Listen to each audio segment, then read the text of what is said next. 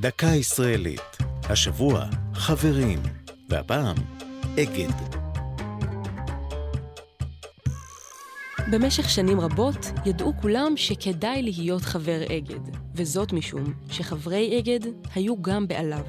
אגד הוקם כקואופרטיב תחבורה, אגודה שיתופית. בעבר, מי שהשתייך לאגודה שיתופית זו, זכה למעין מעמד אצולה, שכן יציבות כלכלית ותנאים מובטחים היו מנת חלקם של החברים באגד. ניצני הארגון עם תום מלחמת העולם הראשונה, כששלטונות המנדט הבריטי מכרו לצעירים יהודים בארץ משאיות, שלא היה צורך בהן. אלה התקינו בארגזי המשאיות ספסלי ישיבה והסבו אותן לאוטובוסים מאולתרים שנקראו אוטומובילים. כדי להתגבר על בעיות הביטחון בדרכים, החליטו נהגי האוטובוסים להתאגד. כך נולדו מספר אגודות שיתופיות של תחבורה ציבורית. המשורר חיים נחמן ביאליק, שעסק גם בניסוח פרסומות, הוא זה שהעניק ב-1933 את השם לקואופרטיב התחבורה הגדול ביותר, אגד.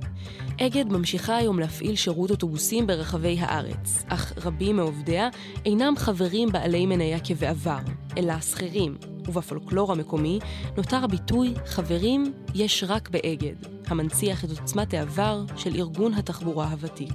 זו הייתה דקה ישראלית על חברים ואגד. כתבה אחינועם בר, ייעוץ הפרופסור דני גוטווין והדוקטור עמי וטורי, הפיקה ענבל וסלי.